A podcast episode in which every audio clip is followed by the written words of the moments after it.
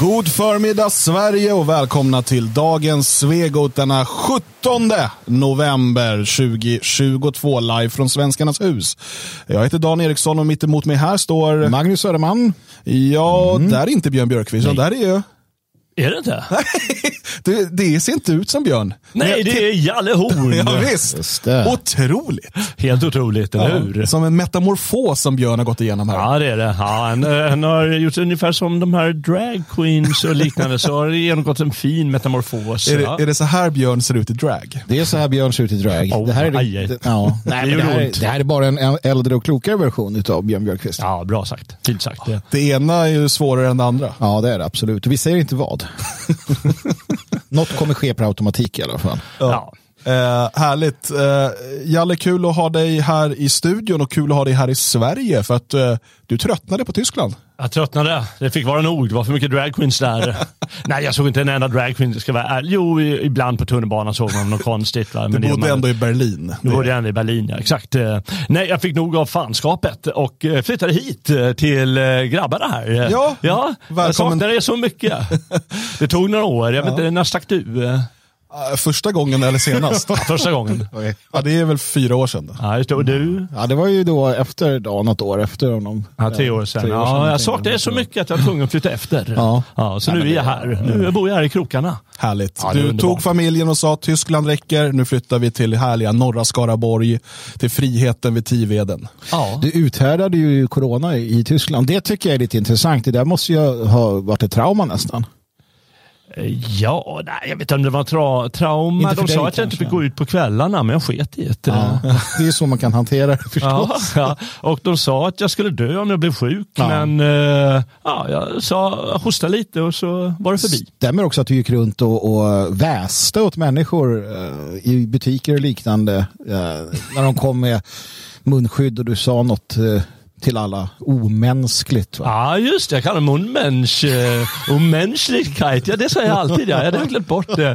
Ja, nej, men det säger jag alltid. Unmenschlichkeit. Men sen vet du, om jag träffar en som gick utan mask i sådana här ställen ja. på plattformar och så, där man inte får det, då säger jag, ja, god dag människa. Mm. du ser, det är motstånd i det lilla. Det är så man ska göra. Jalle visar vägen. Men, men håller du med mig, Jalle? För jag tillbringade ju också eh, två år i Tyskland under de här eh, restriktionerna. Att det finns ändå någonting, alltså det var ändå en, alltså en, en intressant sak att få uppleva det här, alltså få leva under den här typen av liksom verkligen missriktad auktoritärt styre. Mm. Alltså att, att få uppleva, för att, som där på landsbygden där jag bodde, där det växte fram som en helt egen svart ekonomi. Du vet, det fanns rest- källarrestauranger, det fanns eh, frisörer, man var tvungen att liksom boka kom hem till en på fika för att klippa en och sådär, för allt sånt där var ju förbjudet. Um, jag tyckte bara att, att uppleva liksom det här förtrycket så intensivt, eh, jag tyckte jag, det var väldigt, väldigt det var lärorikt på något sätt. Ja, eh, särskilt för dig då. Jag vet inte om jag tänkte så mycket på sådana grejer. Det fanns säkert i Berlin också sådana eh, möjligheter om man nu var tvungen att gå på svartklubb. Men det jag tycker var intressantast alltså, det är nog eh, människors reaktioner. Hur, hur de vill luras och de vet inte vad de ska tycka eller om de vill göra motstånd som du säger automatiskt. Nej, men det tycker jag att gå med på. Och se de reaktionerna tycker jag är väldigt spännande. Och det gör man ju först när förtrycket försöker komma med sin skit. Mm. Ja, mm. nej, det tycker jag har varit eh, det var lärorikt på något sätt och jag hoppas bara att man, in, att man inte glömmer bort det där. Utan, för det säger så mycket också om människopsykologi och sådär och grupppsykologi. Och Visar väl också att eh, efter decennier av liberal demokrati när det väl slår till järnhälen så finns det inom människor hur man organiserar sig. Mm. Det är ju faktiskt positivt för framtiden att, att, att det så spontant ändå hos så många mm. äh, så här, skapas en, ja, men det, det, tog liksom, det tog några månader men sen så började det liksom, du vet, de här uh, gamla typerna av nätverk där folk sågs hemma hos folk, mm. så var det där ute där vi bodde eh, och liksom hade möten och sen så var okej okay, du berättar för de som bor där du bor, mm. de du litar på att hit kan man komma och klippa sig, mm. hit kan man komma och handla, hit kan man, så man så det byggde upp den här och, och eh, bara kontanter, inga kvitton. Det, det blev en svart ekonomi ja. för de fick ju inte ha öppet. Eh, och liksom, jag tror att det där säger också, jag har ju, eh, tack, tacka gudarna för det, aldrig behövt leva under liksom krig. Mm. Eh, men det, jag, man tittar ibland på till exempel Ukraina nu och liksom undrar hur de bara kan leva vidare sina Mm. liv. Ja men för de måste och de hittar vägar att göra det på. Även när elen inte funkar, när vattnet inte funkar och du till och med kanske har liksom fiendetrupp utanför dörren. Men jag kom på en så sjuk grej. Tänk om man gjorde allt det här innan krisen. Ja, jo, jo. Att man så här Nej, nej, nej. skapar nätverk, flyttar nära varann, hade den här innan det händer. Smart kille. Fan alltså, det kanske vi borde göra. Vad säger du som lyssnar? Ja. Ja, det, det, det är ett alternativ. Ja. Vi försöker. Vi försöker. Och nu är du här och en del av det eh, och, och, och har flyttat hit eh, till vår lilla frihet här nedanför Tiveden. Ja, det är underbart och det är underbart också att komma från betonggettot. Och, ja, det är underbart på så många sätt. Det snöade lite där ute, till och med det. Liksom. Vilken befrielse. det är inte alla som tycker det, men på något sätt en befrielse att känna liksom, kylan och känna liksom, någon sorts äkthet. Och, och sen den här värmen givetvis. Eh, man känner när man kommer hit. Eh, Så det, är- jag håller med dig. Mitt tips är, gör som jag. Ta steget. Ja. Gör som Jalle för tusan. Så härligt. Idag så ska vi ju eh, bland annat prata om eh, biblioteket som, som ett politiskt eh, slagfält och eh, hur aktivister kontrollerar biblioteken och så vidare. Och det är med anledning av återigen de här drag queen story hours och eh, de ska ha dödshotats och vi ska titta lite närmare på det och liksom hur biblioteken fungerar idag. Och, varför det blir som det blir. Ehm, och Sen ska vi också titta på en debatt från igår mellan Jimmy Åkesson och Magdalena Andersson. Ehm, jag kan på förhand gissa att vi kommer vara mer sympatiskt inställda till Jimmy än till Magdalena. Men vem vet, vi har blivit överraskade förut. Så är det. Eh, Men jag tänkte vi ska börja med en kortis bara. För att jag, det dök upp en nyhet i flödet som jag känner att det här var konstigt. Och det känner jag ganska ofta, men det här, det här var extra konstigt. Det eh, kommer i, under nästa år kommer en, en ny Super Mario Bros-film. Eh, Ni vet Super Mario Nintendo-figuren. Eh, och min, min son är eld och lågor över det här och vi har kollat på trailern kanske 6-3 tusen gånger. Eh, och eh, ja, han, han älskar Super Mario och sådär och spelar alla de där spelen och så. Så att vi ser, det, är liksom, det, det blir bio när den här kommer och då blir det, det ser vi fram emot. Alla verkar inte lika exalterade. Okej. Det har nämligen kommit kritik nu eh, mot eh, den nya Super Mario Bros-filmen att den inte är tillräckligt inkluderande. Och då tänker man så här, Får vadå? inte Candy Crush vara med? Nej, men jag, jag tänker så här, ja, du har ju visst, du har ju Super Mario, du har Luigi, du har eh, den här eh, De brud va? Bowser, du har prinsessan Peach, du har de här små Toad, svamparna och det är, så här, det är lite olika. Men nej, jag har, det, är det då att det liksom inte är några afrikaner med? Så här, men det finns ju inte Nintendo. Är inte Donkey Kong med? Där? Jag vet inte, Ja. vi, har inte sett, vi har bara sett trailern. Ja. Men det är inte det man gnäller på, alltså att det inte finns tillräckligt med afrikaner i liksom, det här är en tecknad film. Ja, det är ett dator. Ja. Ja, som bygger på det här dataspel, tv-spelsuniversumet. Eh, utan det man är väldigt besviken på och arg på eh, är att rösten till Super Mario ska göras av en vit man. En vit man! Nu, jag måste ju säga att jag är, inte, jag är inte helt inne i Super Mario-universumet och så här. Men är inte Super Mario en vit man? It, it's a me, Mario! Ja, visst, alltså, han är en pizzabagare från Italien. Nej, han är en rörmokare från Italien. Ja, just det. rörmokare, ja. Ja, han är en, rör, en italiensk rörmokare. Ja. Vilket i sig är en intressant... Sådär. Man, man, och när man tror att hantverkare inte kunde bli mer sena, så Ja. kommer italienska hantverkare. Ja, det är inte Super Mario man ringer om man Men har han är, han är ju vit, han är italienare. Jag känner italienare. Ja. Jag har känt på italienare. De, de är vita. Pizzabagare också. Ja, ja. Jag vissa utav dem. Ja. Vad är problemet? Ja, vad är det- problemet?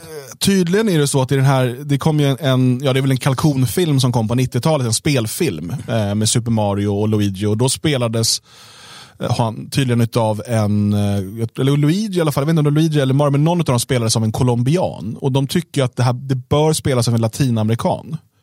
Eh, en lat, latino som de säger. Och det är helt orimligt. för att han gjorde det förra gången? Ja, och liksom det ska vara inkluderande och att det är whitewashing. Att, att göra Mario vit. Men det, Alltså, jag, det är ju en röst. Men jag är rösten vit eller grön? Ja, den Ja, är men vit. jag kan förstå att Rösten är om, om typ man gör Black Panther, Marvel, att om, om Arnold Schwarzenegger spelar Black Panther, då kan jag förstå att men han är, det är en svart superhjälte. Jag kan förstå det. Det, det hade varit problematiskt. Uh, jag hörde inte att vi, alltså vita gnällde inte sådär vansinnigt mycket när, när Heimdall var svart och vi gjorde det lite grann. Ja. Men, men generellt så här, skitsamma, Jag det är deras. Ja. Men det är, en, det är ju en vit karaktär. Någonstans måste man ändå kunna dra en gräns och säga, nej men är det en vit karaktär italien? Ja, det ska vara att han inte är italienare då. Men Han är ju skapad i Japan i och för sig. jo, men ja, och som en italienare. Ja, precis. Det vara en japan då kanske. Ja, verkligen. Men japanerna bryr sig ju inte. Nej, nej. Gör de inte? Och det är ju, utan det är ju, det är ju woke-vänstern Ja. som bryr sig som vanligt. Eh, Och han som vill ha jobb. Ja, precis. en idé tidigare, här. ja, han som var den tidigare skådespelaren då från 90-talet, han ville ju ha det här jobbet. Ah. Så att, men han har inte fått det för han är en usel skådespelare. Så att då- är det så här, okej hur ska jag liksom göra en grej av det här? Ja, det är för att jag inte är vit! Precis. Eh, och han, tyck, han har skrivit ett uttalande att, att det är en skam att inte någon annan person of color har fått jobbet. Det är en skam.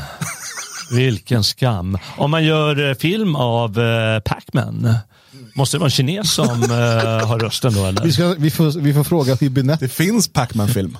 Tecknad Pac-Man, det gör det. Vi får fråga, fråga Tobias Hübinette om, om det måste vara en kines eller korean.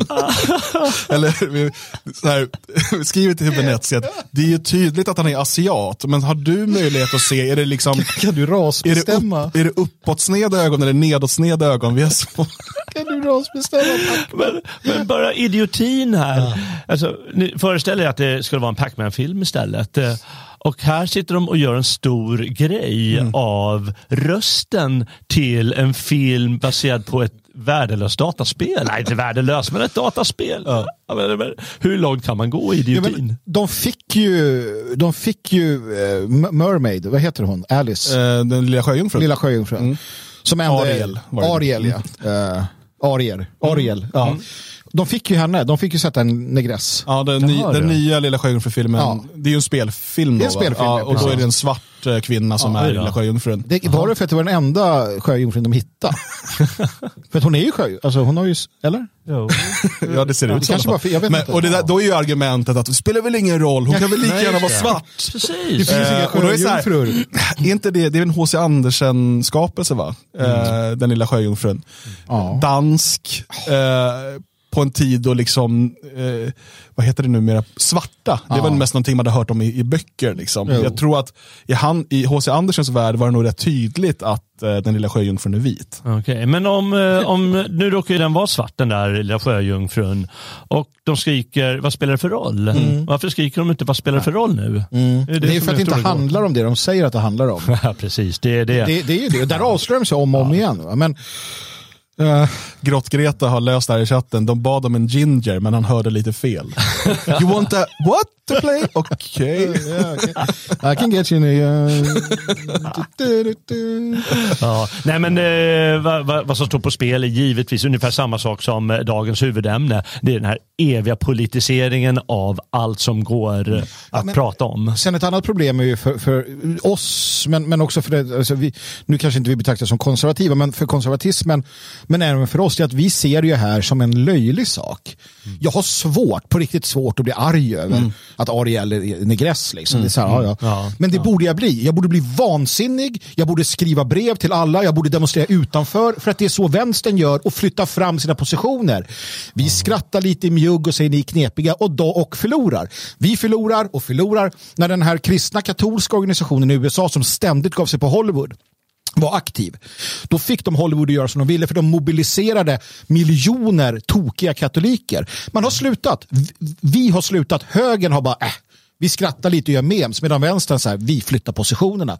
Nu har man Lady Wine Whore sittande med barnen. Shameless. Shameless är de. Shameless, Shameless wine whore. shameless wine. Och, och vi förlorar för att vi säger, äh, vadå, vad gör det? Vi ska säga att det här gör allt. Man ska gå in på biograferna och säga Bu. bu.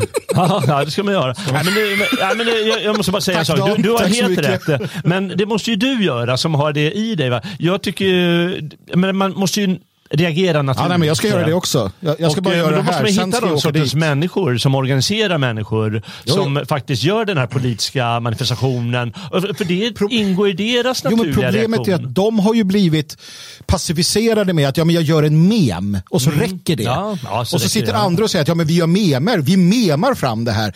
Ja, till del, men det finns ju också det här andra. Och vänstern är dåliga på mema, men de är mycket bättre på att flytta fram positioner. Ja, men det är sant det du säger. De, för vad det handlar om är att motståndarsidan, de måste ju faktiskt höra att du ryter, Ja. eller att du ryter, Ja. eller att jag ryter och alla ryter åt dem Precis. och inte bara skrattar lite Nej, så här. för det gör nämligen ont, det är det de, eh, då backar de. Ja, Mm. ja. Det handlar ju om att få folk att backa. Så är det. Helt rätt. Så är det. Nej, det är bra. Absolut. Träng in dem i ett hörn. Ja, in i hörnet med dem. Inte bara skamrån. Nej, Hörde du shameless? Du ska in i skamrån. Garderoben. Fan, garderoben, Garderoben också, ja. Men varför det? Det, det handlar inte om i garderoben. sexualitet? Menar du att det här är sexualitet? Det säger någon annan att det inte är. Vad håller du på med Dan?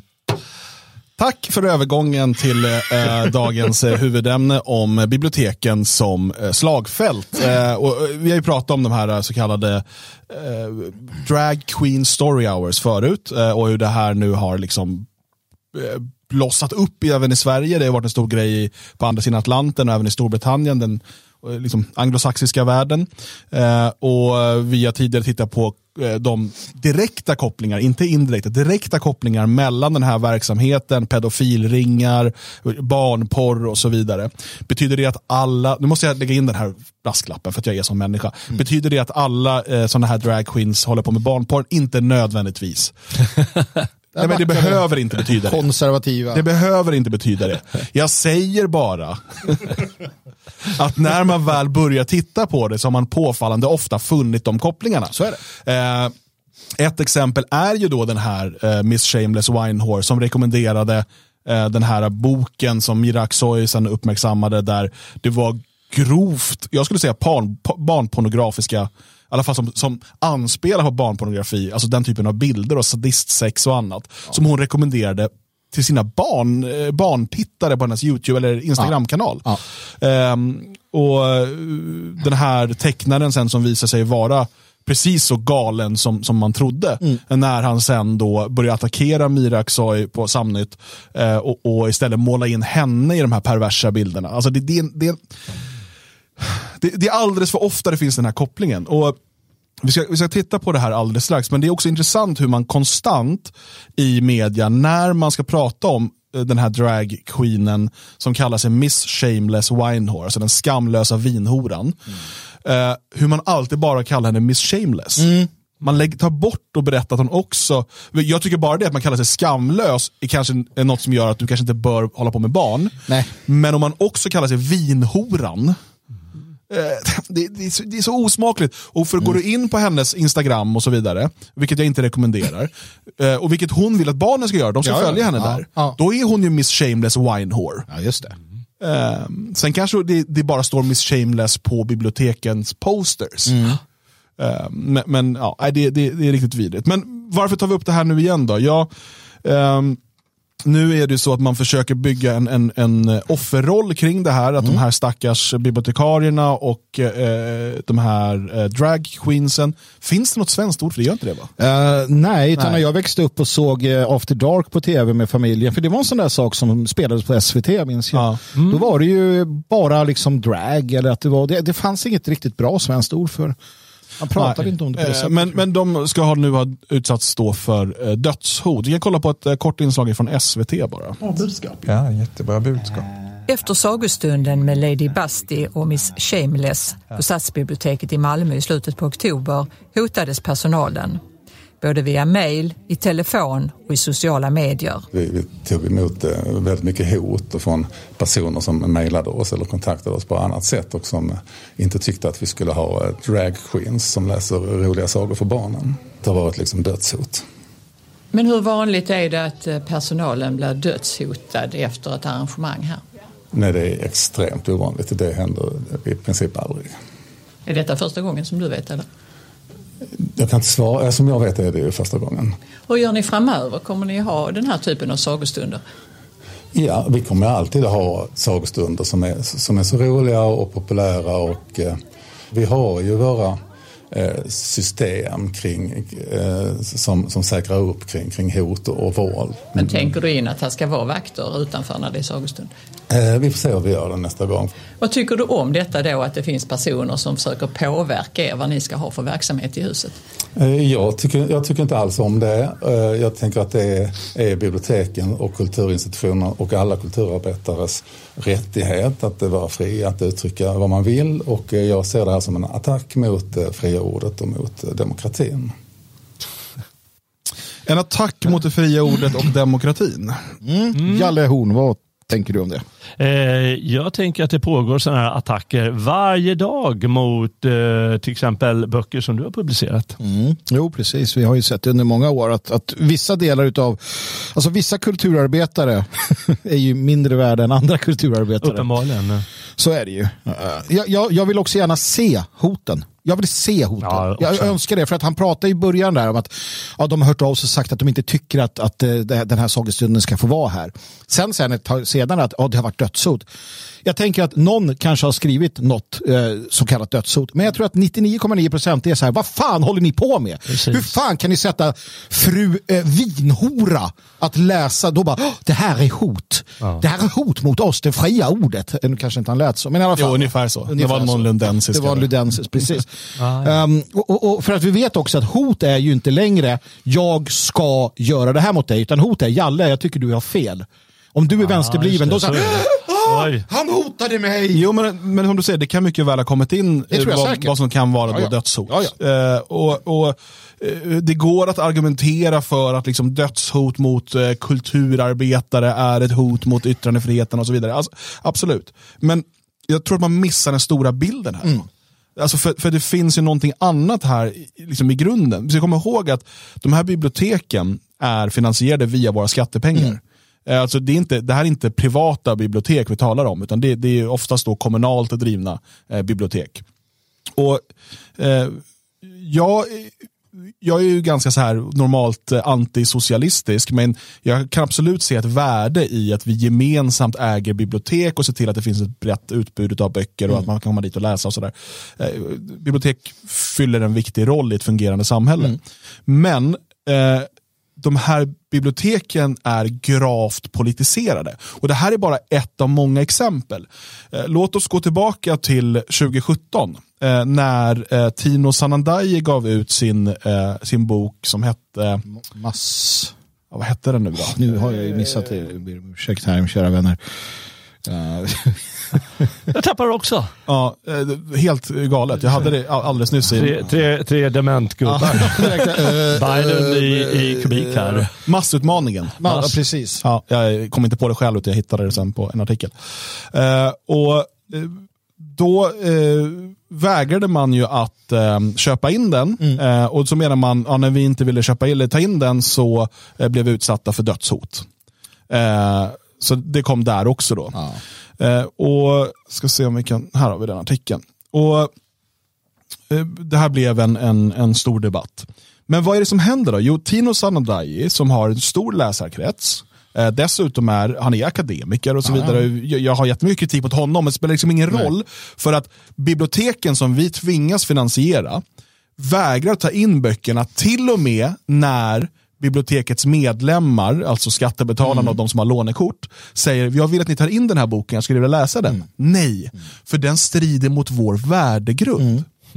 Men då är ju inte längre biblioteket en, en plats för bildning, en plats för möjlighet att ta del av litteratur, utan det är en plats för propaganda och för politisk, eh, som ett politiskt slagfält. Ja, och, pr- och framförallt är det ju inte en plats för debatt. Det är ju uppenbart. Eh, Och det är ju den viktigaste debatten vi har haft på, på årtionden i det här landet. Eh, Och det är bara att titta på budgeten. Hur mycket går till invandringen och hur mycket går till försvaret nu för tiden. Och så. Det är, de vägrar att debatten ska finnas. Eh, Och det är uppenbart. Och det gäller inte bara Tino Sanandajis bok, utan som sa, det gäller dina böcker och dina böcker och, och massor med sån här litteratur som aldrig får finnas där. Och så skyller de på värdegrunden. Det finns ju ingen värdegrund i en debatt. Eh, och borde om det. gör det så får de väl liksom, ja men det är ju en debatt. Eh, Men, men det om du går in på bibliotek, eh, de har ju vägrat, mm, biblioteken har ju vägrat till exempel ta in en prenumeration på Nya Tider, som ändå är en veckotidning som har kommit ut i vad, tio år Ja, nu? ja, minst. Eh, och har eh, 7000 prenumeranter och så vidare. Eh, men ingen, om du går in på ett bibliotek så har du Expo, du har Flamman, du har eh, ETC, du har alla de här vänster, liksom, proletären finns på många bibliotek. Eh, så man har liksom den här typen av vänstertidningar. Och då kommer liksom Nya Tider som ändå, det är inte en liksom, nazistisk tidning ens, utan det är liksom en, vad är det, det, det är en högerkonservativ, eh, nationell, lite grann så. Tid, alltså det är väldigt blandat sådär. Nej, för den strider mot vår värdegrund. Det, det, det är bara sagt, de här personerna som har tagit de här besluten, till exempel han som Mm. intervjuas där, de borde buras in på grund av att de missköter sitt jobb och missköter det här samhället. Mm. Jag har alltså ingenting till övers för dem. Det är så, det är så skandalöst och det är så skamlöst. Det är liksom, han är ju Miss Shameless. Ja, ja, visst. Så det räcker och blir över. Nej, det, det, jag finner inga ord för det. Nej, och man, man, man, man, man, man räknar, man, man förväntar sig mer av bibliotekarier. Eh, men på, på, på samma tema så, så kan vi ju konstatera också att det här är en del av den djupa staten. Eh, och, och det är nämligen så att, att socialisterna eller vänstern eller sossarna de ser ju biblioteken som sina för att det var i mångt och mycket arbetarrörelsen som ville till, till, till, tillgängliggöra litteratur för folket, liksom, för arbetarna och så. En gång i tiden, en bra, en bra idé. De, de, det finns bra saker där. Men sen ser de det som att ja, men, eh, de här eh, Folkets hus, det är våra. Um, biblioteken är våra. Det är här vi bestämmer. Och och det kunde ha varit så om det inte var skattefinansierat. Just det. Och det är ju där pudelns kärna Ja, men precis, är. vi har ju ett bibliotek här i, i Svenskarnas hus. Vi bestämmer såklart vad som Ja. ska vara där. Det som vi tycker är eh, relevant litteratur.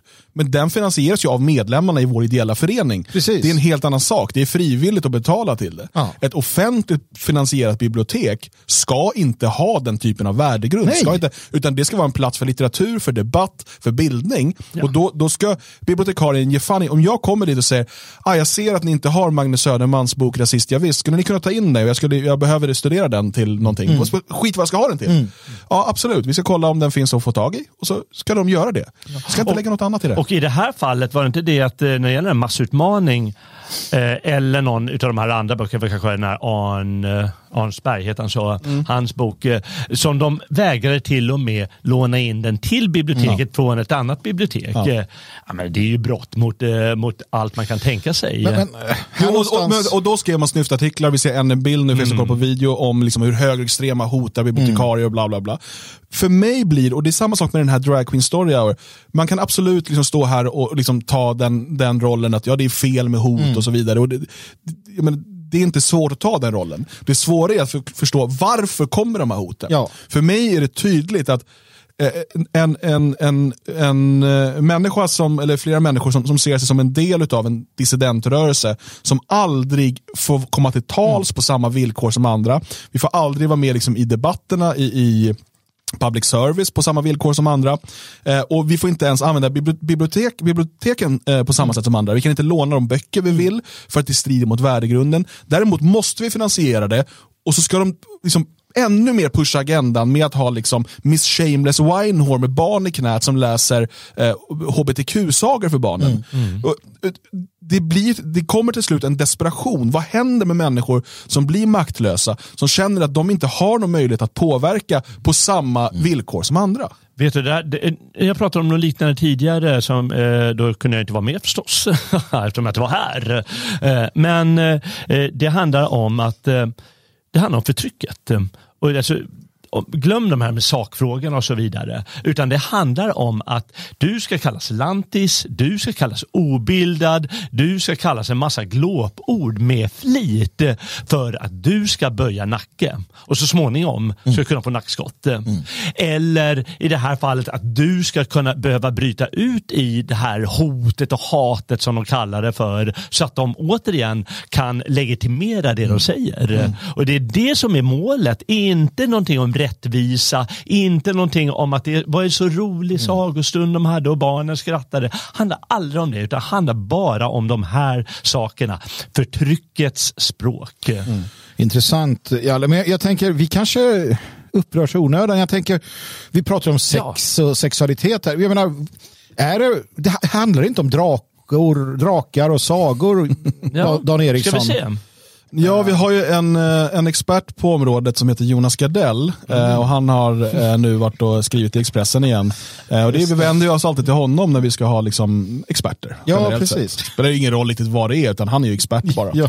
Eh, Jonas Gardell skriver eh, igår eh, på Expressens eh, kultursida att kulturkriget mot oss trappas nu upp på allvar. Mm. Och här eh, skriver han ju eh, bland annat eh, eh, om, om de här då hoten och hatet mot bibliotekarier. Eh, och han menar att det här är en älskad lek och sagostund för barn på förskolor, skolor och bibliotek. Ja. Eh, och, och, han pratar om det här med att det, det är enhörningar och rosa och liksom, det är så jättefint. Och så. Ja, men, det är ju, ja, men då är det ju... Men så skriver han också så här. Han säger ju inte att det är sex då, eller? Nej. Till exempel har gruppen Bland drakar och dragqueens gud, vad hände med demonerna? Ja, precis. Ja. De bytte ut demoner. Demoner, just det. Det, var, Aha, det är samma. Det är samma. Ja. Bland drakar och demoner, äh, drag queens. Ja.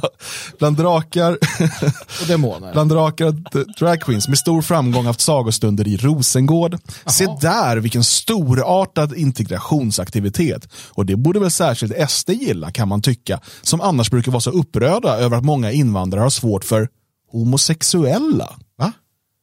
Nej, nej, nej, svårt för trans... Men, men va, hur, för, för hur kom sexualitet in i det här? Ja, jag har nej, inte saken att göra. Drag queens har väl inget med Sex, sexualitet nej. att göra? Det, det är väl det man har tjatat om hela tiden. Nej, nej, nej. Det här är bara liksom, de klär, klär sig i de här ja, um, vulgära kläderna ja. för att det, liksom, det, det är ett sätt att uttrycka sig. Men det har väl ingenting med sex att göra? Det känns som att han avslöjar att, men Gardell, vad fan, är det, var det böglobbyn hela tiden? Mm. Va? Vi vill veta, jag hoppas han ringer snart. Ja. Men det här med, eh, du var inne på det här med, eh, vi, alltså vi pratar ju om det, biblioteken som en, eh, ett slagfält. Va? Det är kanske är dags att vi fattar det också.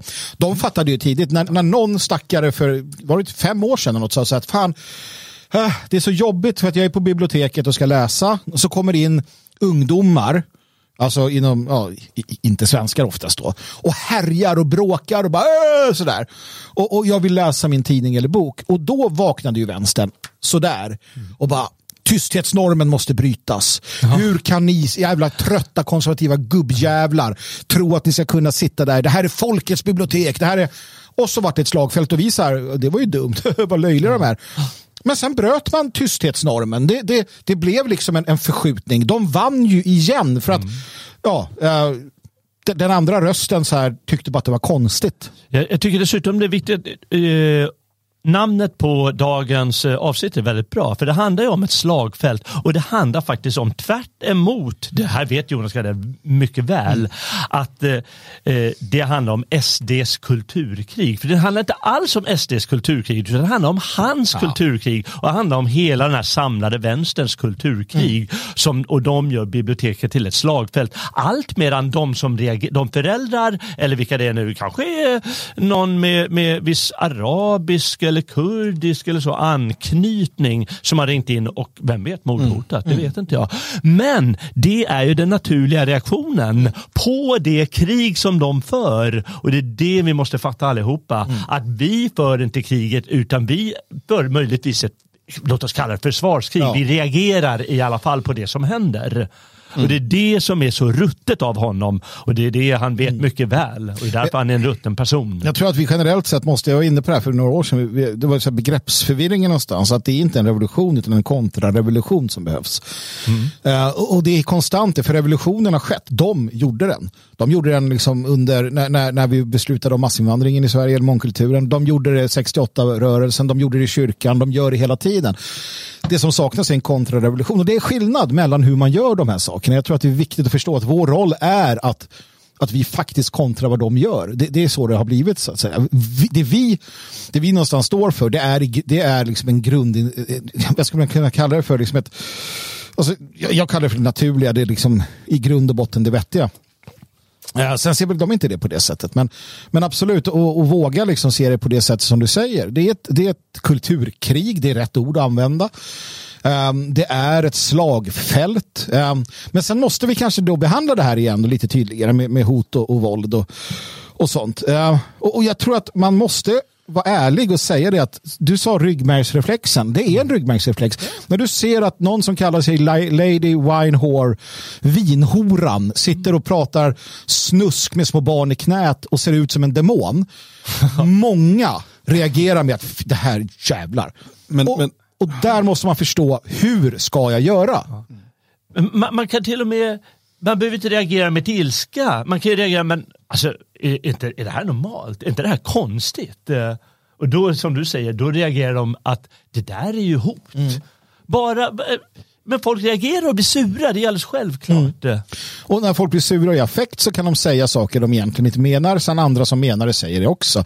Det, det jag vill ta fasta på är att man förstår, jag förstår den initiala rea, re, re, reaktionen. Jag menar, med min historia där till och när man var själv var yngre uh, så, så, förstår jag den definitivt. Det jag gjorde och har förstått det är att den vägen är inte framkomlig.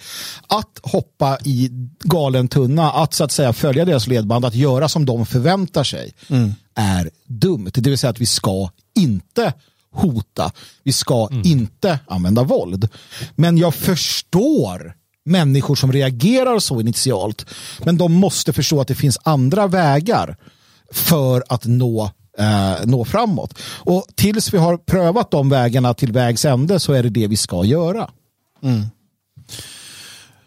Det, det, är också så här att det här det vi ser nu, eh, det, det, man får den här cykliska känslan av att det här har skett förut. Mm. Alltså att vi, vi och, och, vi har pratat om det här många gånger, ser man på de så här fascistiska, auktoritära, nationalsocialistiska rörelserna runt om i Europa i början av 1900-talet, första halvan av 1900-talet, eh, väldigt mycket av dem växer ju fram som en reaktion på en väldigt urspårad eh, eh, tid. Mm. Eh, och dessutom med de här kommunistiska revolutionerna som blossar upp överallt och så vidare. Och Många av de här rörelserna urartar också i ett, i ett väldigt grovt våld och, och i övergrepp och så vidare. Och Jag tror att det, eh, det är samma mekanismer som gör att vet, människor blir de, de blir förargade och känner att liksom deras innersta väsen är hotat här mm. utav det, det, här, det, här, det som pågår. Eh, och att man dessutom känner sig maktlös. Vilket gör att till slut är våld den enda utvägen som människan finner. Mm. Um, och Vi hade kunnat slippa det, vi hade kunnat slippa det massa gånger i historien om man liksom istället hade haft uh, ett annat system där det hade fungerat på ett annat sätt. Mm. Uh, och jag, jag ser liksom det bygger upp, alltså kontrarevolutionen eh, har liksom inte, den har inte önskats av oss. Den har inte ens skapats Nej. av oss. Nej. Den har tvingats fram av de människor som trycker ner det här mm. i halsen på oss varje dag. Mm. Många av de människor som, som kommer stå på barrikaderna i kontrarevolutionen ville bara bli lämnade i fred ja. och få grilla med ja. sin familj. Ja. Det var liksom Precis. där de var. Och sen, ja. sen så här, nej du får inte grilla för det är koldioxid, du får inte äta Precis. kött för det är det. Och så står Greta utanför och bara pekar och du är mm. dålig, du är fascist. Till sist så bara, nej men okej. Mm. Bra, det, det, finns liksom inga alternativ ja. kvar och det är precis som de säger, det tvingas fram. Så att, um...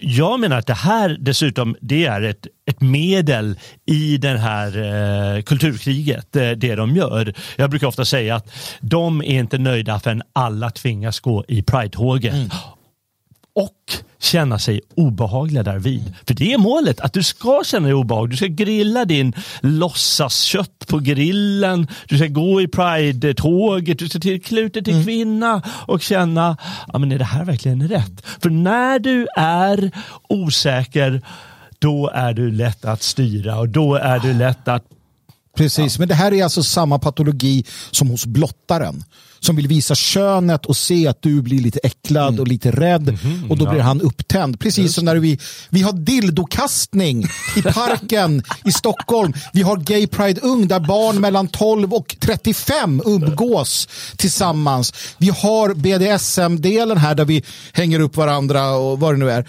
Det är för att de vet att, att sådana här att vanliga menligheten tycker att det är lite äckligt, då blir de kåta. Mm. Ja, de blir kåta. Det är patologin ja. Men det är, bakom. det är också en maktkänsla där ja, de hos blir makten. Här. De blir kåta. Ja. ja. Mm. Nej, det är det verkligen. Det är sånt som driver de här jävlarna. Ja, visst är det det. ja. det, är... ja. Nej, det, det, det är därför det verkligen är så äckligt också. Att de gör så stor grej av det. Det, det är verkligen som man mår dåligt. Mm. Inte bara av den här dragqueen. För det är ju många människor som gör det. Mm. Man kan ju inte låta bli, men känner ju det man känner. Mm. Ja. Och eh, dessutom politiseringen och förtrycket och så. Ja. Ja, men se där. Jag var inne på det här med After Dark som var en grej i Sverige på 80, 70. 80 och 90-tal. Ja. Ja, de, de, de hade Hamburger Börs. Folk gick och skrattade åt killarna som klädde sig i, i klänningar. Det var liksom vulgärt. Det var liksom eh, konstigt, men det var vuxet. Eh, och, och det var en, ett, liksom så här, man hade det på SVT och jag minns att, att man tittade på det och skrattade. Liksom. Det var ingenting. Men där inser man ju också att slippery slope. Slippery slope för fan. Ja, man visst. kan inte. Ja, och börjar man nosa in sig på barn, då måste det ta ett slut på en gång. Det, det, det måste, det måste vara det. så. Liksom. Jag håller med. Ja. Eh, det- hela det här det vi pratar om nu och liksom det här, den här kontrarevolutionen som, som bubblar och, och, och som eh, kan, kan få väldigt eh, liksom, våldsamma följder i framtiden. Eh, även om ingen av oss önskar det. Men, men vi vet av historien liksom, vad, vad som händer när människor till slut känner sig trängda i ett hörn och eh, inte ser några andra vägar till, till förändring. Det får mig att tänka på en eh, dikt. Kan ni gissa vilken? Det finns så många så att nej, jag har svårt att gissa. Alltså. Eh, jag tänker såklart på Kipling. Ja, just The Wrath of the Awakened Saxon. Eh, jag tänkte vi ska lyssna på den eh, som en övergång och sen ska vi ta eh, sista delen där vi ska kolla på debatten mellan Jimmy Åkesson och Magdalena Andersson. Eh, och den delen kommer i efterhand bara vara tillgänglig för er som är stödprenumeranter. Så lyssnar du efterhand och vill ha tillgång till även våra, våra kommentarer av debatten, teckna en stödprenumeration på svegot.se support. Nu hoppas jag att det här är en bra inläsning. Jag har ingen aning. Hello, everyone. I'm James from By the Fireside, and today I'm going to read The Wrath of the Awakened Saxon by Rudyard Kipling. This poem is also known as The Beginnings, but I will be reading the altered version. It was not part of their blood. It came to them very late, with long arrears to make good when the Saxon began to hate. They were not easily moved. They were icy, willing to wait till every count should be proved ere the Saxon began to hate. Their voices were even and low, their eyes were level and straight. There was neither sign nor show when the Saxon began to hate. It was not preached to the crowd. It was not taught by the state. No man spoke it aloud when the Saxon began to hate. It was not suddenly bred. It will not swiftly abate through the chilled years ahead when time shall count from the date that the Saxon began to hate. Mm-hmm. En liten föraning om framtiden kanske. Ja, Ja, den där är, en, den är klockren. Ja. Är den. Ehm, så vi eh, lämnar eh, biblioteksdebatten och går över till den realpolitiska debatten. Eh, där vi ju har igår i Aktuellt en, en mastodontdebatt mellan Eh, Jimmy Åkesson och Magdalena Andersson. Eh, och vi har inte sett den här i förväg, men eh, vi bad ett antal lyssnare i vår telegramgrupp Fikarummet att göra det. Och vi fick även en del propåer på Twitter att vi bör kolla in denna. Så att vi kommer ge den en chans här. Och den är ganska lång den här debatten, men vi behöver ju ändå stanna där det behövs så att säga. Vad har du gjort nu Magnus? Nej, jag var tvungen att dela min dator här. Så, att, du eh, välter routern? Ja, jag, eh, det här är inte bra alltså, men så kan det vara ibland. Det är en temporär lösning. Det är en temporär lösning det här. Ja, eh, har jag ställt till det nu igen? Ja, Ja, det ja, var ser man. skuld på dig, Mike. Oppositionsledaren Magdalena Andersson. Ska bara se så att vi har allting rätt här. Jag hoppas att bild och sånt syns också för lyssnarna. Så låt oss dra igång och sen får ni bara bryta in när ni vill och så är jag beredd med någon pausknapp eller något sånt. Yes. Så har det blivit dags för en historisk debatt. Socialdemokraternas partiledare Magdalena Andersson och Sverigedemokraternas partiledare Jimmy Åkesson har aldrig mötts i en enskild tv-debatt. Men nu händer det. Magdalena Vänta, bara där känns det som att varför de aldrig mötts i en enskild debatt? Ja. Ja, ah, ja det, det är Sverige. Andersson, Jimmy Åkesson, mycket välkomna. Tack så mycket. Tack. Mm. Ni är partiledare för riksdagens två största partier. Socialdemokraterna tillbaka i oppositionsrollen för första gången på åtta mm. år. Eh, Sverigedemokraterna ni för första gången i ett formellt regeringssamarbete.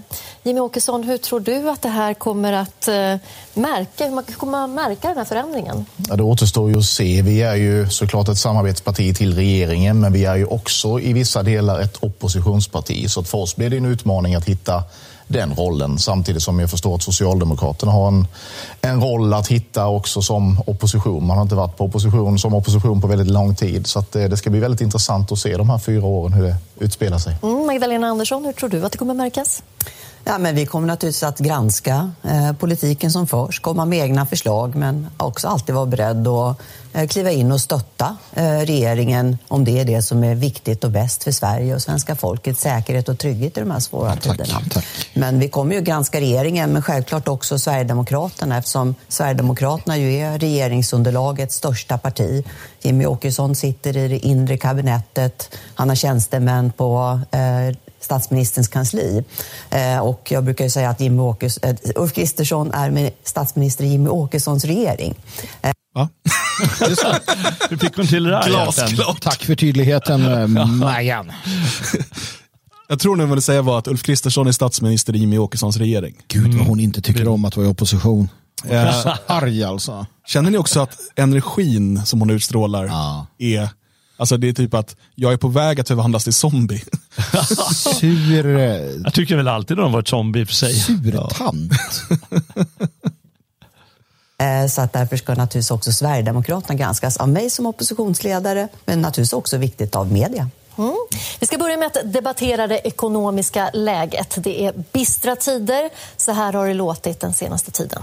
Om man ska sammanfatta läget i ekonomin så kan man ju säga att det är en dyster bild. Just nu så är det ju ja, det är riktigt katastrof. Jag kan inte spara, jag kan inte göra någonting. Nu är det liksom en större grupp som ringer och säger att jag har inte mat. Det är ganska illa, framförallt för regionerna. Många av kommunerna har det också tufft. Vi ser ju nu hur kostnaderna ökar över hela linjen. Räntekostnaderna ökar samtidigt, så, så läget är illa. Mm, regeringen presenterade sin budget förra veckan i samarbete med Sverigedemokraterna. Och vi ska påminna om några av reformerna.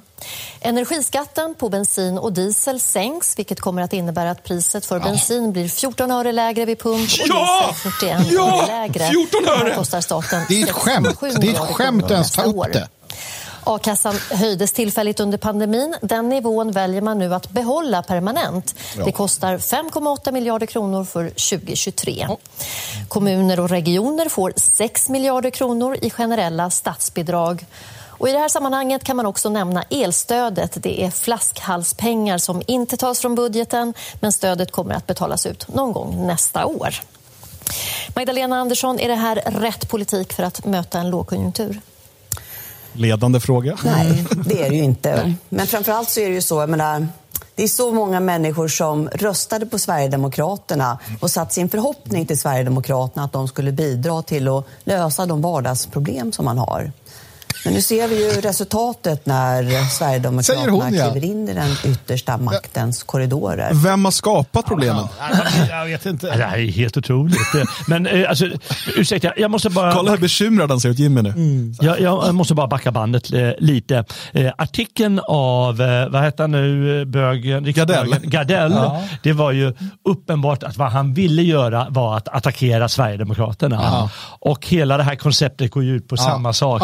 Att de ska få attackera. Det, det är ju bara löjligt. Det, ja, ja. Men det är klart han sitter och stödjer regeringen, men det är inte han som är regeringen. Nej. Hur mycket de än försöker få henne dit. Eh, det är ju bara parti och ah, kan hon inte gå till en talpedagog eller någonting. Är det här, är det här Miss Shameless? Ja, verkligen. På, I politisk mening, ja. ja. Jag lägger inte till något mer där. Nej, nej. Det tycker jag. Det ska Men det är ju hon. Åtta år av henne har ju gett ja, det här. Och så bara, ja, Jimmy Åkesson, ska du hon var alltså, för Innan hon var statsminister nu så var hon finansminister som man kommer ihåg. Ja, ska vi göra. Så när vi pratar om den ekonom svåra ekonomiska situation så kan man ju inte skylla än så länge kan man inte skylla på Sverigedemokraterna Nej. som är ett stödparti till en regering som, tills, som, som, som började sitt arbete för mindre än en månad sedan. Liksom. Det, jag menar, det enda ärliga för alla det är att säga så att nej, men, alltså, vi är klona på en globaliserad värld ja. mm. där internationella överstatliga organ sätter vår finanspolitik. Jag kan inte göra något. Jag är finansminister men i princip kan jag inte göra ett skit. Och det gäller alla. Ja. Ja, utan att liksom bryta oss loss från Ja. det här globalistiska, den hydran. Men Precis. det är, ju- det är ju lättare sagt än gjort om man är socialdemokrat. Ja, liksom. ja, verkligen. De vill ju ha det så här. Och, och då blir det det här äh, skamlösa spelet. De trodde att du skulle lösa det här Jimmy Åkesson. Men jag, sen är det så här, man ska inte försvara den här regeringen för mycket. Det är för, det, jag förstår att man är, man är förbannad på den, men det är också inte rimligt att i att tro att de här sakerna ska lösas i och med den första budgeten som läggs några veckor efter man tillträder. Utan man får ju bedöma alltså minst en mandatperiod. Sen får man börja titta, alltså gärna två, tre om du ska ha riktiga förändringar. Men du kan åtminstone se liksom vilka vägar det är på väg åt efter en mandatperiod. Men efter några veckor, hur, mycket hinner man liksom förändra? Och dessutom mitt i en, en inflation med stigande arbetslöshet och så vidare. Jag förstår att man säger, nej men vi har inte reformutrymme. Sen tycker jag, ja, men, ta bort eh, biståndet, sätt det på noll och lägg det på svenska, Jaha, svenskar faktiskt. istället. Självklart, det är vad jag hade gjort. Men vi har ju, det, är en, det är en regering bestående av moderater, kristdemokrater och liberaler. SD har via det här Tidöavtalet då för att stödja regeringen krävt förändringar i migrationspolitiken och i kriminalpolitiken. Det är de områden som SD verkligen har brytt sig om. Eh, sen, har man ju, man hade, hade SD haft egen makt så hade det säkert sett annorlunda ut. Men, men det är inte så det funkar. Då ser vi en budget där Jimmy Åkesson och andra höginkomsttagare får en skattesänkning på 10 000 kronor. Medan vanligt folk får 14 öre vid pump. Men, va, va, va, Och här finns ju en väldigt stor besvikelse. förlåt, var inte det där äpplen och päron så det bara skriker om det? Ja, det känns ju som bara det. lyssna. En skattesänkning på budget där Jimmy Åkesson och andra höginkomsttagare får en skattesänkning på 10 000 Det är kronor. månaden eller? Medan vanligt folk får 14 öre. Jag vet inte vad du menar. Nej. Ja, Och här finns ju en väldigt stor besvikelse. Men alltså, det är kul för honom. är det bara vanligt folk som tankar? Alltså, och Och fast får du 10 000 per månad i skattesänkning så är det ju jävligt bra alltså. Då kan du ju ha råd med dieseln. Men det måste väl vara någon del av budgeten som berör att eh, höginkomsttagare får något särskilt skatteavdrag eller något sånt. Ja, eller att de har tagit bort någon straffskatt Ja, precis, tagit någon straffskatt, ja. exakt. Ja. Medan vanligt folk, de får bara de här 14 öre liten. Vilket är straffning, men det är ju så det funkar. bland Sverigedemokraternas väljare och jag kan verkligen förstå den. Det var ju inte det här man trodde att man röstade på. Ska vi ta det där med 14 öre vid pump? Ni lovade 10 kronor, det blev 14. Ja, men nu, har, nu har ju mandatperioden precis börjat och det är klart att jag hade gärna sett att vi hade gått fortare fram när det handlar om att sänka kostnaderna för drivmedel. Alternativet för oss hade ju varit att till exempel då eh, rösta fram en budget tillsammans med Magdalena Andersson, Miljöpartiet. Då hade det inte blivit någon sänkning av drivmedelskostnaderna alls. Så man får ju ändå ställa det i det Poäng. perspektivet. Eh, Jag hade gärna sett att man tar bort den här reduktionsplikten som Socialdemokraterna och andra har vurmat för och fortfarande vurmar för tidigare. Nu sker det först nästa budget.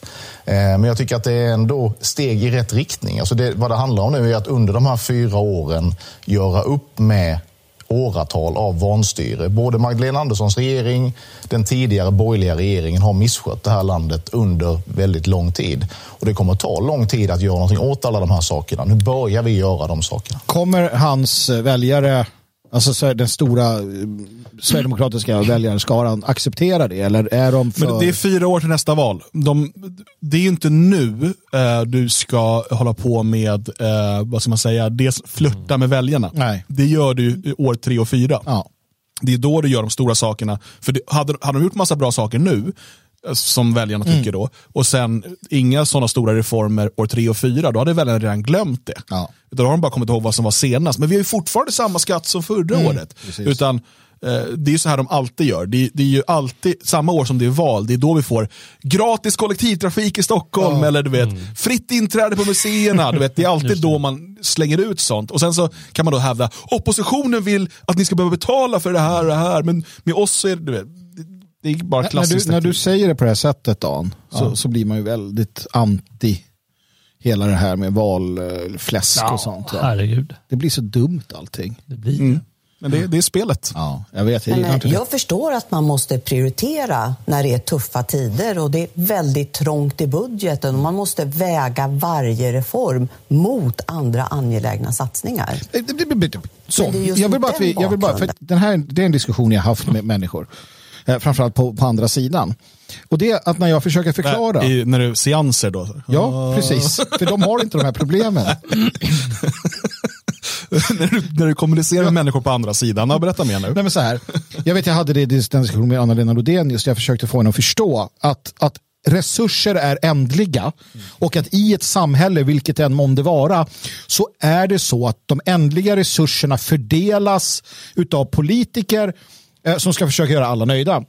Och då blir det så att den som ropar högst eller har mest våldkapital vinner. Eh, och jag, jag försöker liksom förklara det. Och, och, nu säger hon ju samma sak. Där, att så här, om vi ska ge utlänningar pengar så måste de pengarna tas från någon annan.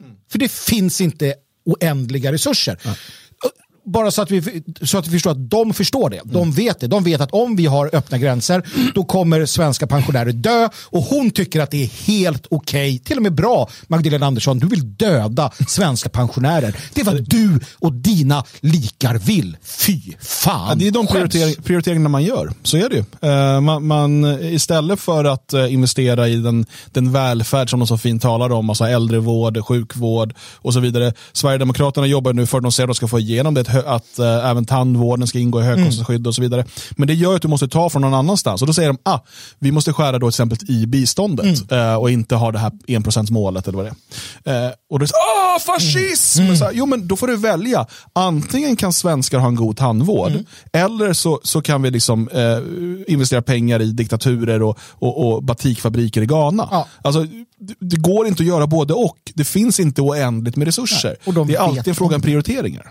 de vet om det. Ja. ja. Den, som det är så svårt tror jag, för Jimmie Åkessons väljare att förstå varför man höjer, sänker skatten för höginkomsttagare med 10 000 kronor till en kostnad av 10 miljarder. Men inte lägger pengar på att eh, sänka skatten. Så att ni vet nu att, att, att hon har fått instruktioner att prata med att ta upp det här med 10, ja, 10 000 kronor. Ja, och det är de rika, ja. bla bla bla. Det, självklart, det där är inövade och där kommer hon säkert återkomma till flera gånger. För det, ja. För det är den parollen som ska in. Liksom. Det är intressant. Och väldigt lite mm. i förhållande till vad man lovade före valet. Då skulle, man ju dag, då skulle man ju nästa dag få 6,50 bensin. Men dessutom att man inte satsar mer på kommunerna som ju nu ser skenande kostnader för sjukvården, skolan och äldreomsorgen. Kan de hålla käften, där man nu kommer stå för inför valet om besparingar eller skattehöjningar. Det ska bli jätteintressant att se sen när du presenterar din budget hur mycket du sänker bensinskatten till exempel. Jag gissar att det blir väldigt marginellt om ens alls. Eh, du har ju alldeles rätt i det att det här handlar ju om att prioritera. Eh, vi har prioriterat till exempel att inför lågkonjunkturen behålla a-kassan på den Eh, bättre, eh, tryggare nivå som har gällt under pandemin. Det var en väldigt viktig sak för oss i den här budgeten. Vi har också sagt att det är viktigt för oss att inleda den här processen med att sänka kostnaderna för drivmedel. Det gör vi också, det vill säga att vi levererar på de vallöften som vi har gett. Däremot kan man inte förvänta sig att vi ska kunna göra allting på en gång. Utan har det bara gått ett par månader sedan valet. utvärdera gärna mig om fyra år, men kom inte att säga att vi sviker vallöften nu, för det är inte fråga om det. Vi börjar leverera på de saker vi har lovat nu. Magdalena men, Andersson, men, får jag, förlåt att jag avbryter. Eh, ja, A-kassan, de håller fint. nivån på a-kassan. Ja, Magdalena, alltså, det är så jävla regisserat. Är det inte bra att Sverigedemokraterna då hade inflytande över budgeten? Ja, hade vi lagt en, haft möjlighet att styra så hade vi naturligtvis satt kvar a-kassan på den här nivån. Det tycker jag är bra. Men det Jimmie Åkesson inte svarar på det är ju varför han prioriterar en skattesänkning för sig själv gör, och andra höginkomsttagare. Nej, Jimmy. Lugn Jimmy. Ja, men det är ju samma, samma för... indexering som har gällt under lång tid och som har gällt också under din regeringstid. Det är ingen, du pratar om den höjda brytpunkten ja, för den statliga skatten. Och det är ju 10 000 i fickan till höginkomsttagare. Och nu måste jag ändå korrigera Jimmie Åkesson. Jimmy, jag måste ändå korrigera Jimmie Åkesson när han säger att han inte bryter några vallöften. Därför det var ett väldigt tydligt vallöfte från alla de fyra partierna i regeringsunderlaget att den första november då skulle ett högkostnadsskydd mot höga elpriser vara på plats. Förutsatt det att det fanns en regering på plats den första oktober. Det var inte det ni sa. Här, är, här gör hon så jävla dum. Det fanns ingen regering. Nej.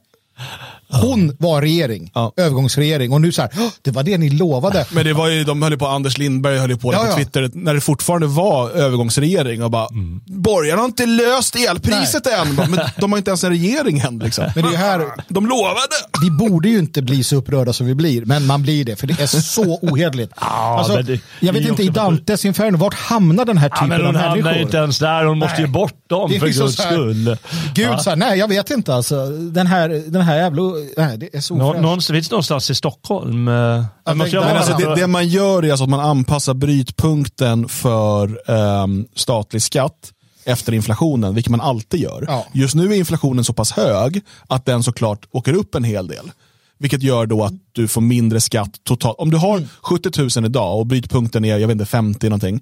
ehm, då, då behöver du betala statlig skatt på det över den brytpunkten. Om brytpunkten höjs, då är det ju färre kronor om du har samma lön som du måste betala statlig skatt på. Men den har ju alltid justerats efter inflationen. Alltså, det är ju jävla, alltså det, det är så oärligt. Ja, det är det verkligen. Ja. Men, men en sak, det, det är ändå bra att eh, Jimmy Åkesson får höra de här grejerna. För lite blåslampa ska Ja, ja, han ha, regeringen Ja, har. absolut. Det är ju löjeväckande med de här så- 14 öre.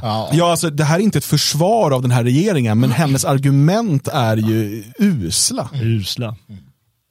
Skriv under på. Allt som har hänt efter det löftet ligger helt i era händer och det är ni som inte har levererat på det som ni har lovat. Det är inte så att det har hänt Vi fick svar någonting på det. utifrån. Jimmy Åkesson, utan det är jag ni pratade med eh, SKR idag, eh, Sveriges kommuner och regioner och deras bedömning är att de generella statsbidragen skulle behöva öka med 10 miljarder bara för att klara prisökningar och löneökningar.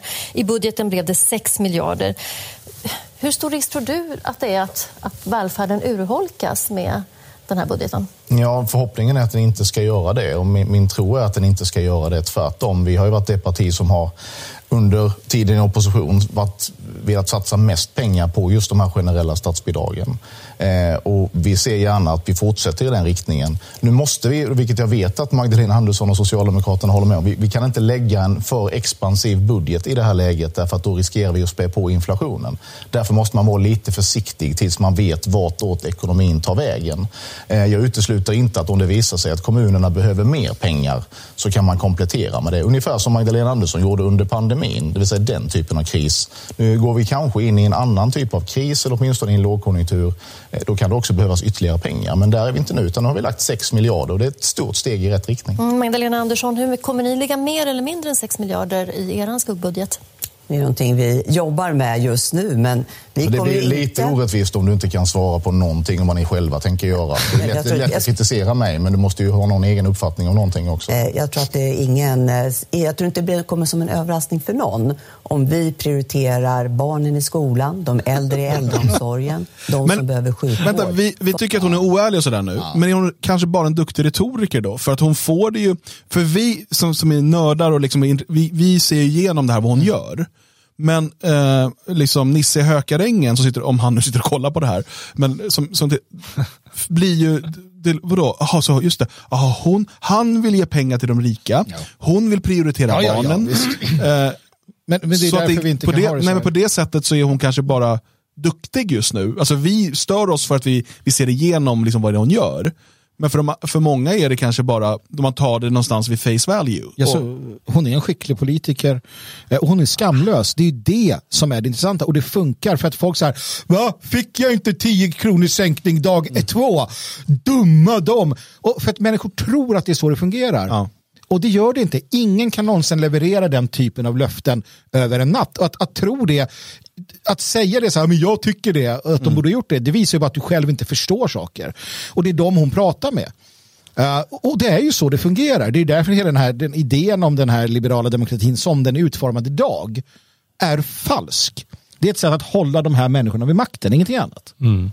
Jag tycker ändå att eh, han sköter korten rätt bra, Jimmy Åkesson här. Eh, Han försöker vara lugn, han försöker förklara för henne och tittarna och den här andra personen som sitter där bredvid och hjälper Magdalena Andersson hela tiden. Att eh, ja, men vi tar ansvar, vi kan inte gå för långt och spär vi på inflationen, vi kan inte göra så. Men vi gör det i det lilla och försöker sakta men säkert bygga upp någonting, det vi har lovat och så vidare.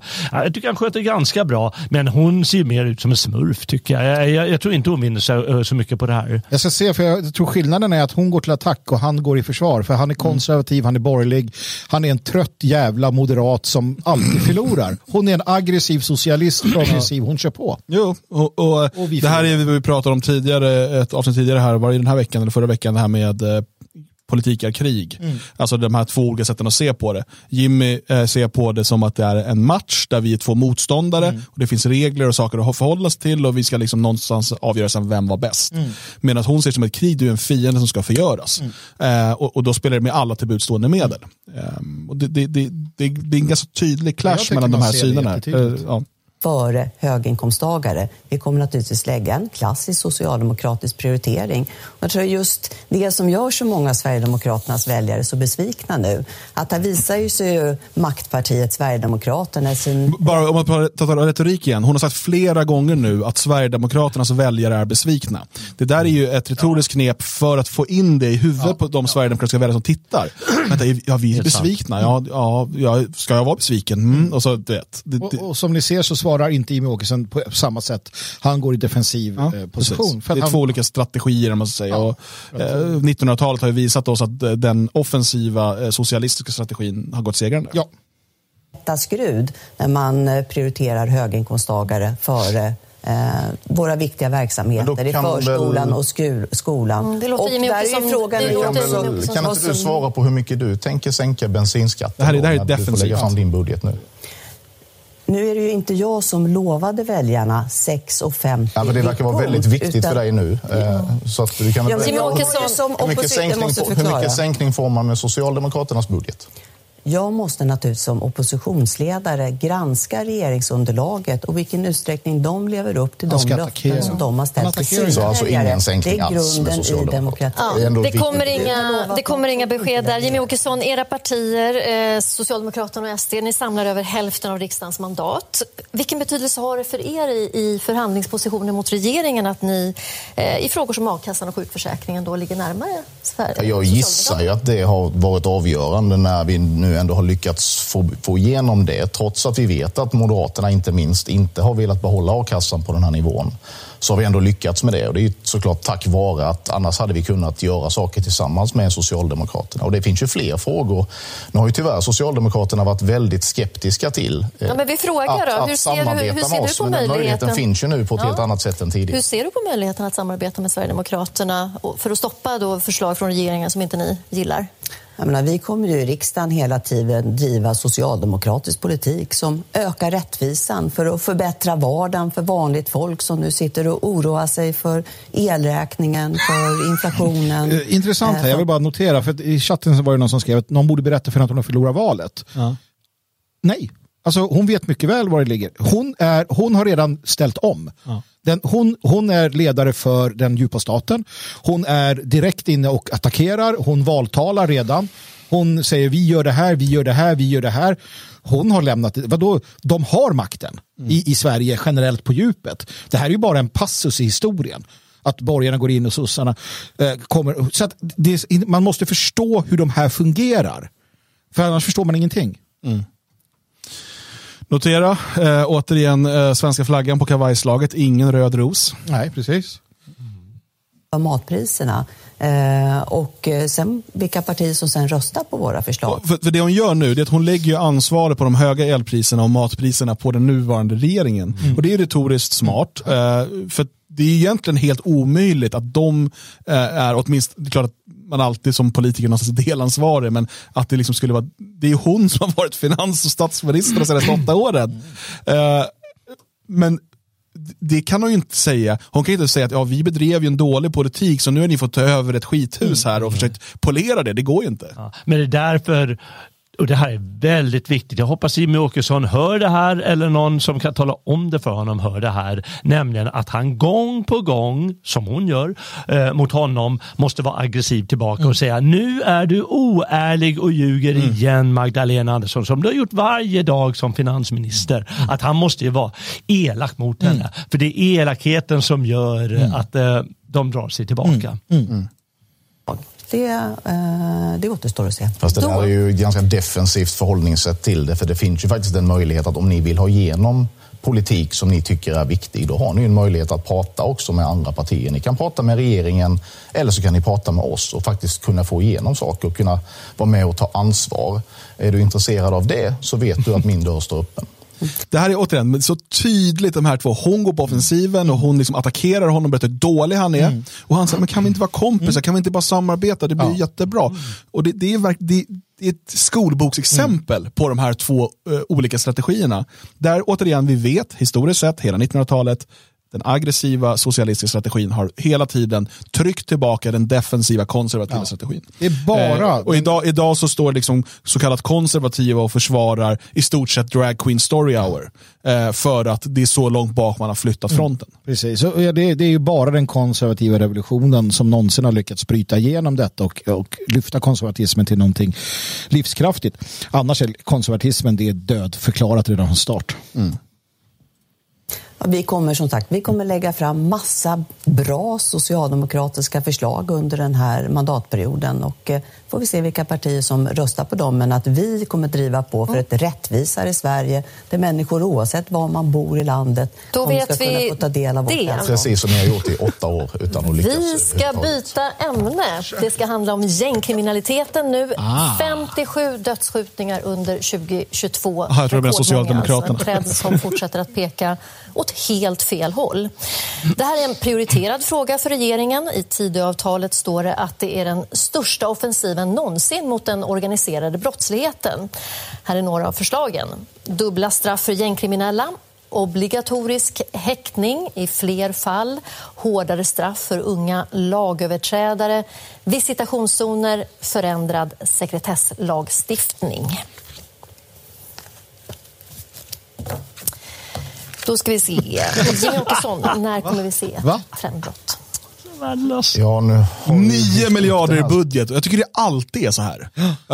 Vi brukar kolla på Rapport på kvällen eh, och det är ju Alltså det är varje kväll så är det något sånt här, de gör fel, mm. de typ eh, filmar i taket mm. eller att ja. vet, de tappar manus. Eller, det är alltid någonting, jag fattar inte. De har så otrolig budget mm. men lyckas ändå inte göra det proffsigt. Det är ju eh, skit bakom ja, ja. situationen under flera decennier. Och. Eh, det är klart att det kommer ta tid att riva det och därför är det så viktigt att vi nu gör det här eh, ordentligt. Att vi tar krafttag på riktigt.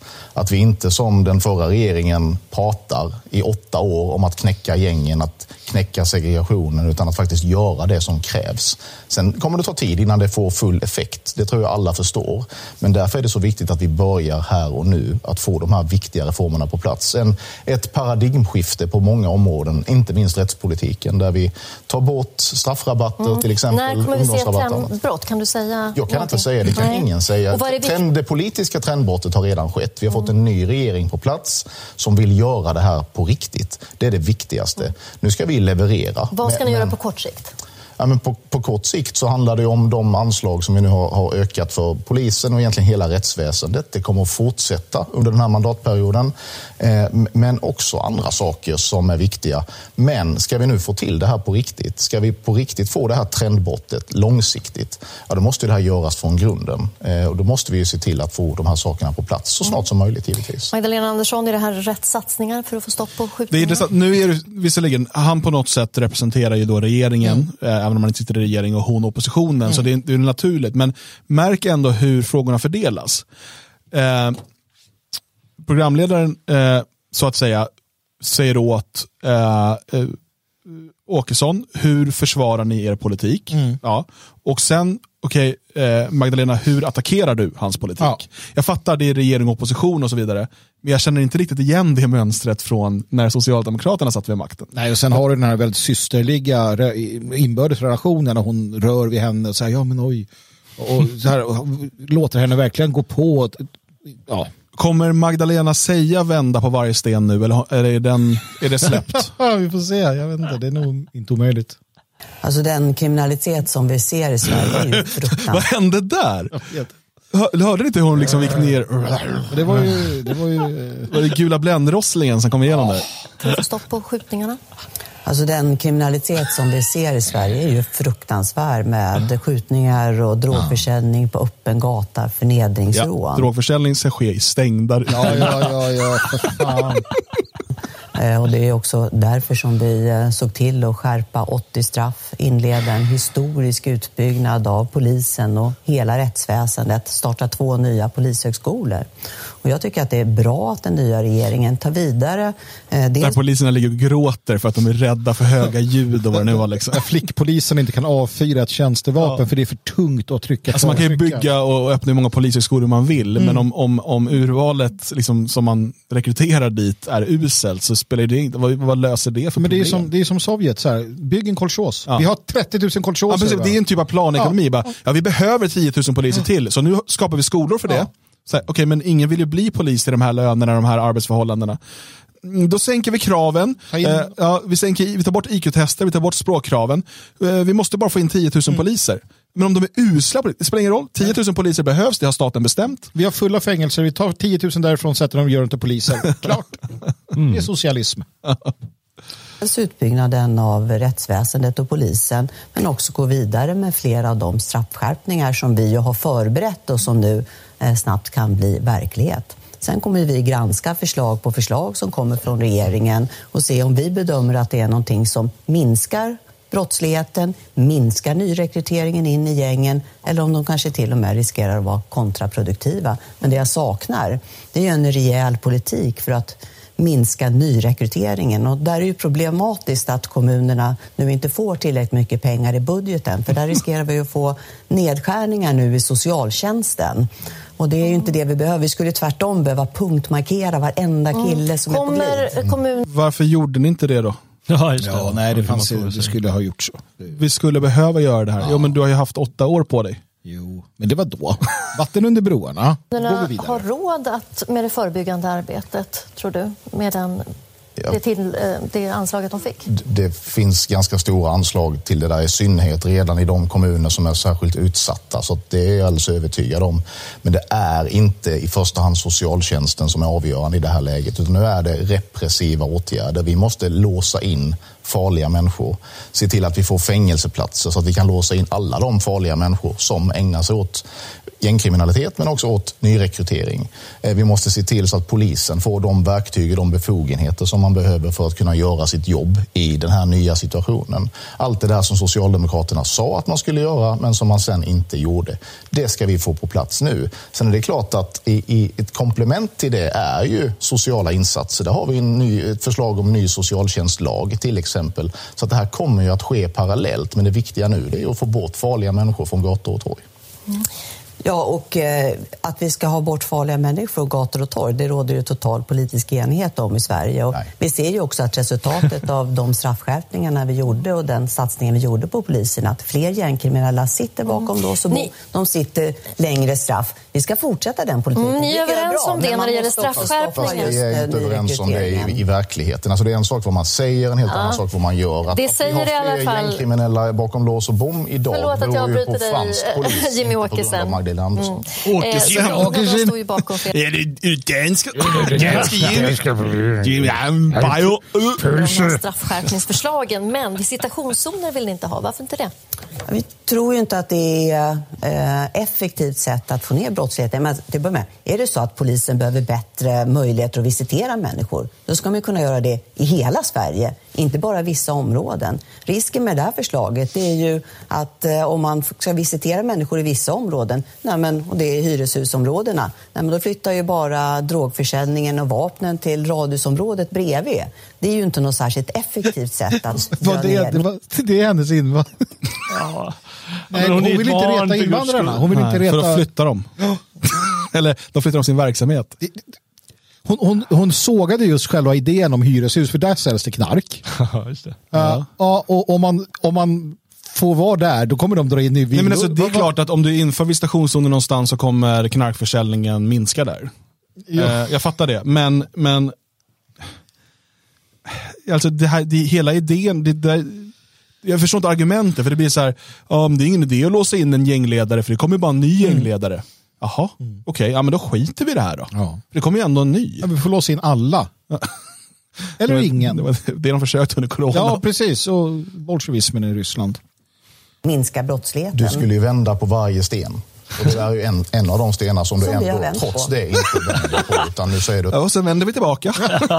och sen vet vi inte vilken vi har vänt på så vi vänder om den igen. att du tror inte att det får... Kommer ni ihåg hon kom till, var det Almedalen var, med ett gäng stenar? Som, så här, som, som propp. och stod och liksom, vi ska vända på stenar. Mm. och sen gjorde väl han också det, tog med sig stenar. Och, nej, det var jävla... Jag hade stenar också i min ungdom när vi var ute och träffade politiker.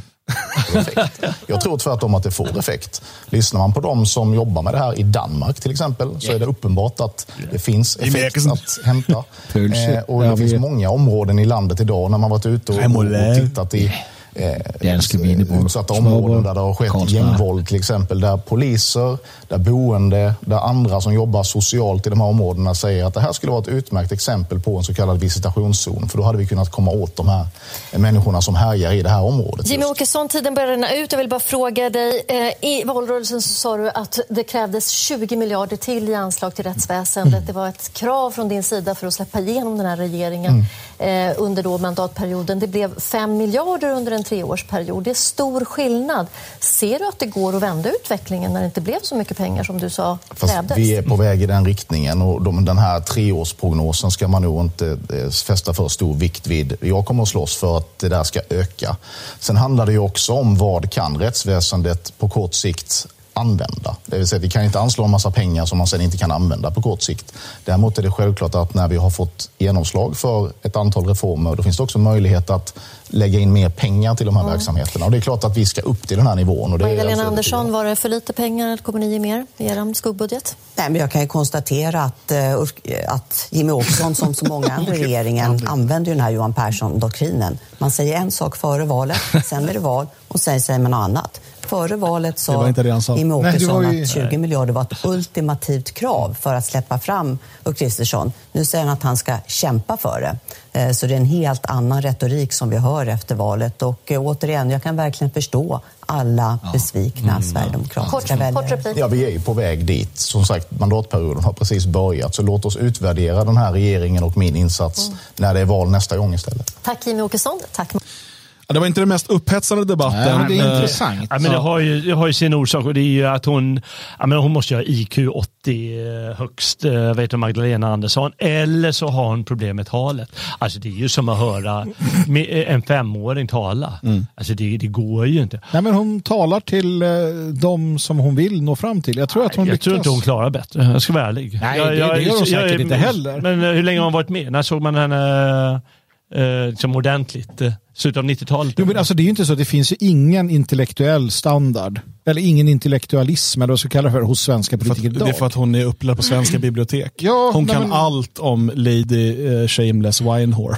Ja men precis, Nej, men vadå? för att ta en sån som Palme, tycker vad du vill. Han pratade fem språk, eller han gjorde det. De var högt utbildade, de läste böcker.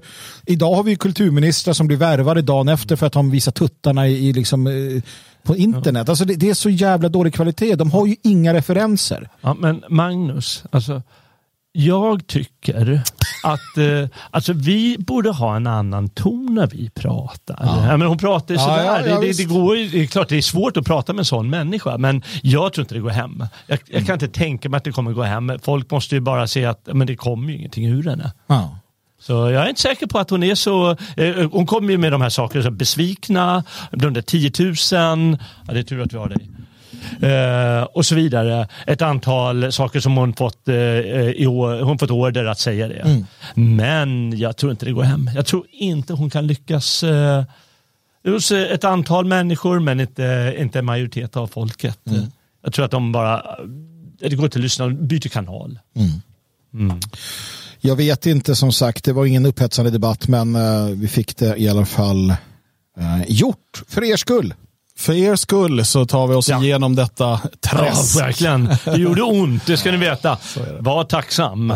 Det enda sättet vi kan lösa det här på nu det är att dricka o- oerhörda mängder alkohol. För alkohol gör and alla andra saker bra. Va? Det är fall många andra saker. faktiskt. Tack, tack, tack för idag. Vi kör imorgon igen klockan 10 på återhörande och återseende då. Nu kör vi. Alkohol gör andra saker bra. Att alkohol är dåligt må så vara.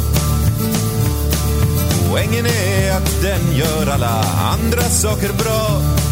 En åldringsvårdad kvinna blir en åtråvärd gudinna som man slår folk för att vinna tills polisen kommer dit. Efter bara två, tre glas med sprit. De flesta som ser fotboll har förstått att man ska vara plakat för att få ut något utav sport. Och i schlagerfestivalen låter alla i finalen som de avlats i analen. Men drick ur din dunk med vin, så känns hela genren genuin. Och din son blir snabb i tanken, TV4 får en själ. Och du känner inte stanken från din armhåla så väl. Sprit är skit, precis som mamma sa. Men den gör alla andra saker bra. Att dela med sig av sin gonorré kan 15 öl förvandla till en riktigt god idé. Och att tas med fylleristen som hanterat WC-bristen i din trappuppgång är trist, men om du super dagligen blir du snart god vän med såna män. Paja grannbilarnas lykter är ett meningslöst projekt. Förutsatt att man är nykter, är man full så är det fräckt. Skrapsår, vapen, barndop och barbar bli blir lite bättre än vad det var.